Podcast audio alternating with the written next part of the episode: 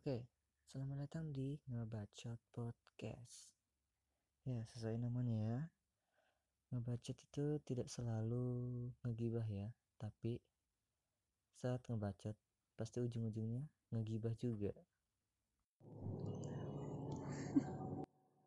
Oke, kali ini saya tidak sendiri, saya ditemani oleh Hai, saya Firda Kurotul Aini, mahasiswi dari Politeknik Negeri Samarinda, jurusan akuntansi.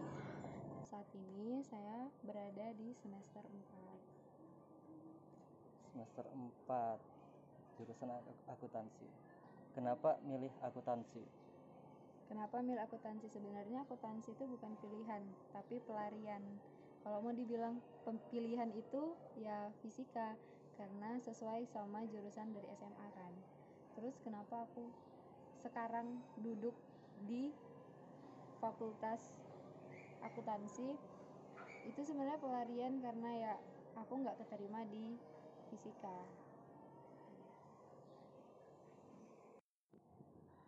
Kenapa kamu anggap akuntansi sebagai pelarian? Soalnya tujuan utamaku kuliah bukan akuntansi tadinya pengennya sih fisika. Tapi berhubung waktu pendaftaran akuntansi lebih dulu keterima jadi aku milih untuk melanjutkan apa yang sudah aku dapat. Dan lagi pun kalau aku pikir-pikir akuntansi ini tuh dia punya prospek kerja yang sangat-sangat luas. Karena uh, akuntansi itu pasti dibutuhkan di setiap instansi. Nggak cuma instansi uh, untuk kalangan perusahaan juga diperlukan. Untuk pengusaha-pengusaha kecil maupun pengusaha besar juga butuh seorang akuntan. Dan nggak cuma perusahaan dari instansi pemerintahan, instansi kesehatan, pendidikan itu juga pasti butuh seorang akuntan.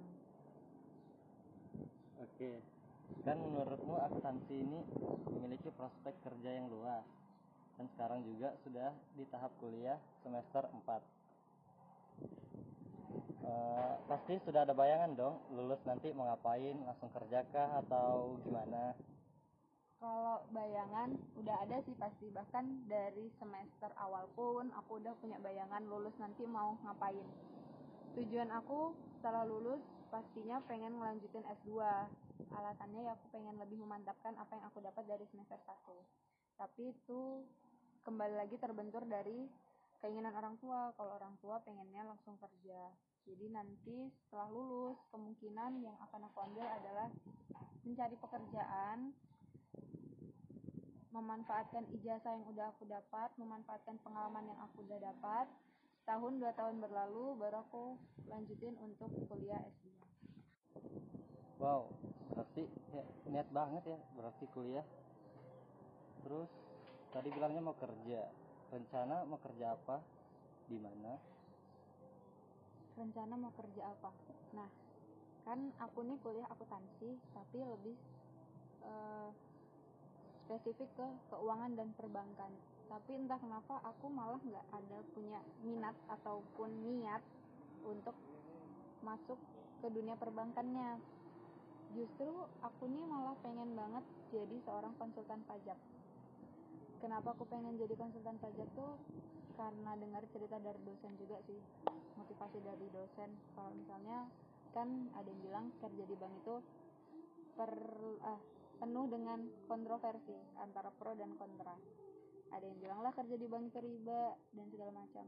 Kenapa aku pengen banget jadi konsultan pajak tuh? Karena menurut aku konsultan pajak ini tuh banyak diperlukan perusahaan banyak diperlukan pengusaha kan setiap pengusaha ataupun perusahaan mereka butuh seorang akuntan sekaligus seseorang yang mahir dalam menghitung pajak.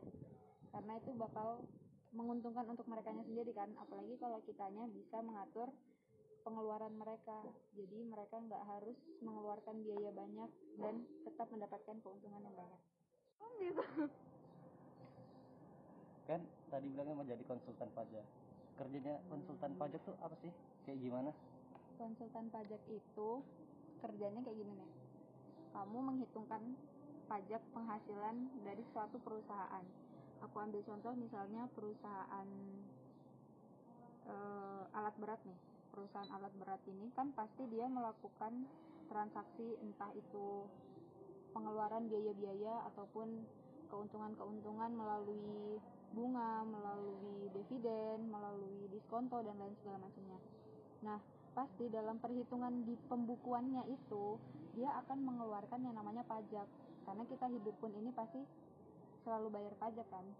Nah, jadi keuntungannya jadi konsultan pajak atau tugas utama seorang konsultan pajak ini kita harus bisa menghitung biaya pajak yang harus dikeluarkan perusahaan itu dalam nilai yang seminimal mungkin. Jadi perusahaan nggak harus mengeluarkan biaya besar dengan pendapatan mereka yang kadang nggak stabil. Oh iya. Terus untuk konsultan pajak ini apakah dia terikat dengan satu perusahaan itu saja nantinya? Nggak terikat dengan satu perusahaan itu saja dong. Kan konsultan pajak ini itu dia bisa menerima dari berbagai perusahaan. Jadi kayak aku nih nantinya kalau nantinya bisa bener-bener ya kesampaian jadi konsultan pajak aku tuh bakalan punya SK sendiri. Punya SK sendiri dan aku bisa ngebuka di rumahku sendiri tuh. SK itu apa? SK itu kayak surat keputusan surat keputusan bahwa aku sah menjadi seorang konsultan pajak. Oh. Kayak ibaratnya nih dokter nih, ada kan surat kesehatan, surat pengesahannya kalau dia bisa boleh buka klinik sendiri. Mm-mm. Nah, sama seorang konsultan pajak juga kayak gitu. Ada beberapa tahap yang harus dilalui supaya dia bisa buka kliniknya Klinik, sendiri. ah. Nah, nantinya ketika aku sudah punya klinik itu, aku bebas bisa menerima dari berbagai instansi, entah dari perusahaan, entah dari pengusaha yang sifatnya industri kecil ataupun instansi pemerintahan. Tapi kalau untuk instansi pemerintahan sih biasanya sulit ya karena mereka punya konsultan sendiri dan itu sifatnya terikat. Tapi kalau yang ingin aku jalan ini yang sifatnya luas bebas Ya, gitu nah, yang nggak harus terikat dengan satu perusahaan. Oh ya, kan tadi kamu bilang terima semua instansi dari perusahaan ya, berbagai perusahaan. Emangnya nggak ribet gitu kerjakan sendiri? kan setiap seorang konsultan pajak itu mereka dibatasi ngambilnya beberapa tapi bisa lebih dari satu sesuai dengan kemampuan kita misal karena aku masih pemula nih mungkin aku bakal ngambil satu instansi perusahaan aja tapi nanti bertahap bertahap aku bisa ngambil dua atau tiga tapi yang aku tahu seorang konsultan pajak itu dia bisa terikat dengan maksimal 4 sampai 5 perusahaan. Apa kalau kamu buka apa namanya instansi ya, bukan konsultan, Klinik konsultan. Ya klinik konsultan itu nggak butuh anggota kan? Buat ini kan biar apa namanya nggak ribet juga ngerjainnya sekolah sendiri. kalau butuh anggota tuh butuh anggota tapi bukan anggota yang dalam artian yang ikut menghitung pajak mereka karena kalau konsultan itu ketika kamu disahkan nih kamu disahkan jadi seorang konsultan berarti itu udah jadi tugasmu. Jadi nantinya ketika aku berhasil aku bisa buka klinik sendiri aku pasti butuh seorang anggota. Di mana anggotanya itu nanti eh, di bagian administrasi misalnya administrasi di sini dia yang mengatur perusahaan perusahaan apa saja atau perusahaan mana saja yang aku terima gitu yang bisa aku hitungkan pajaknya. Karena kan pasti sebelumnya di awal aku harus tahu dulu dong latar belakang dari perusahaan itu sendiri. Dia eh, bidang apa terus keadaan pembukuannya seperti apa. Selanjutnya anggota yang mungkin aku perlukan itu di bagian pembukuan ya. Karena kan yang namanya seorang konsultan pajak menghitung pajak itu pasti harus disertai dengan eh, pembukuan yang jelas pembukuan yang detail jadi aku pasti bakalan perlu seorang akuntan untuk membantu aku dalam membaca menganalisa buku akuntansi dari perusahaan itu sendiri motor Oh ya, kira-kira untuk pendapatan bagi konsultan itu berapa sih? Seberapa besar gitu? kalau untuk pendapatannya eh, nilai realnya sendiri itu kisaran 15 sampai 20 juta. Oh, itu untuk ya. pemula ya itu untuk pemula. Tapi misalnya kayak gini aku jadi konsultan pajak aku berhasil memenangkan atau bukan memenangkan sih tapi aku berhasil menghitungkan pajak satu perusahaan gimana yang tadinya pajaknya itu besar begitu aku koreksi pajaknya jadi lebih mengecil nih. Aku berhasil mengecilkan pa e, pengeluaran pajak perusahaan itu pendapatan yang aku dapat bisa 2 sampai 3 kali lebih besar dari pendapatan semestinya. Asli. Besar juga gajinya ya. Oh iya.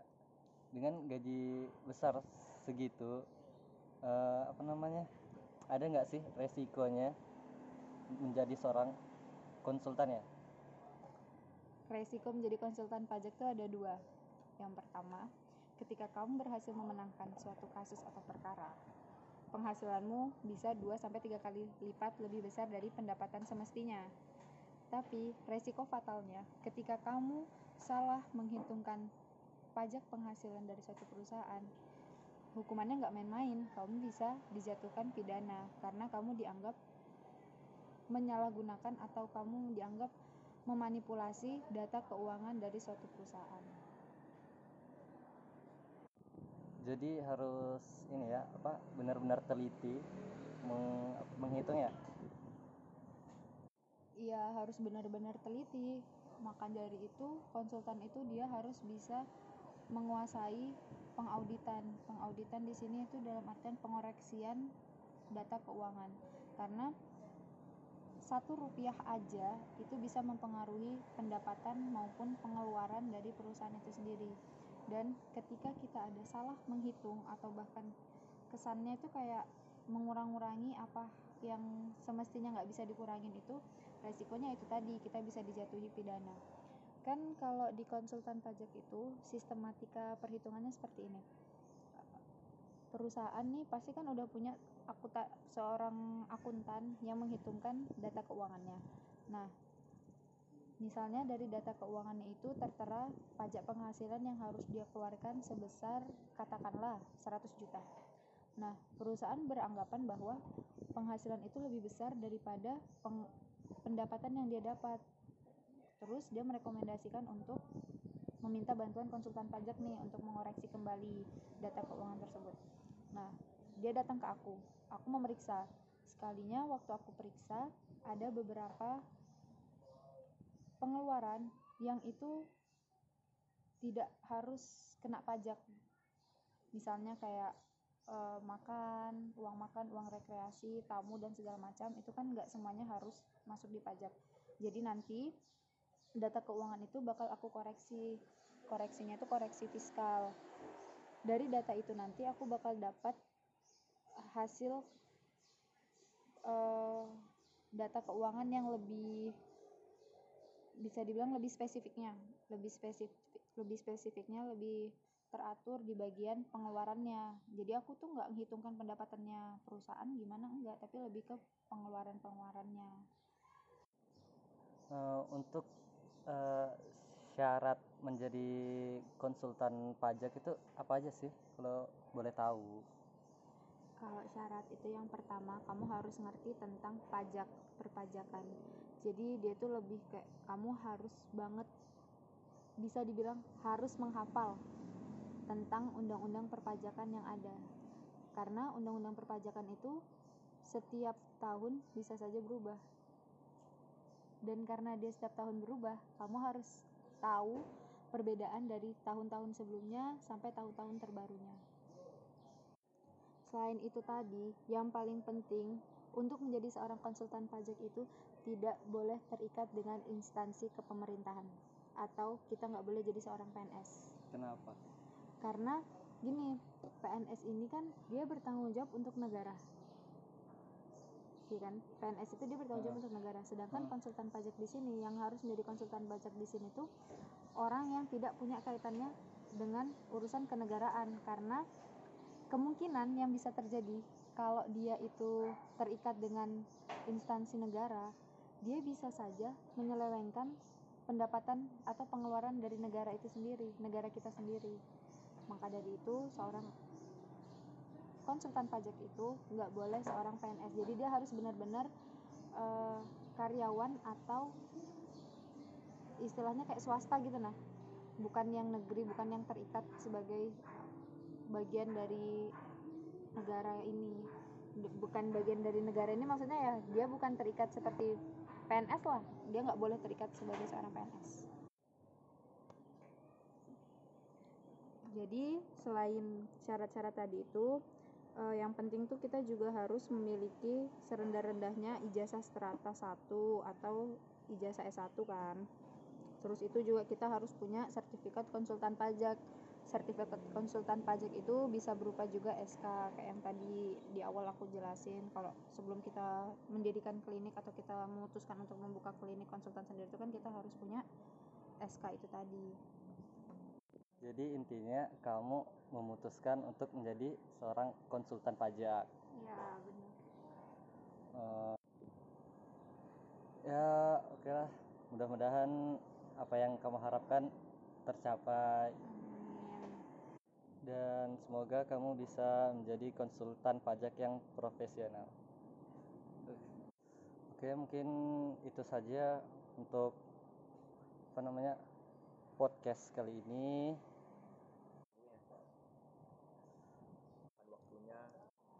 Oke, terima kasih untuk kali ini telah meluangkan waktunya mengisi dan menghadiri apa namanya podcast kali ini.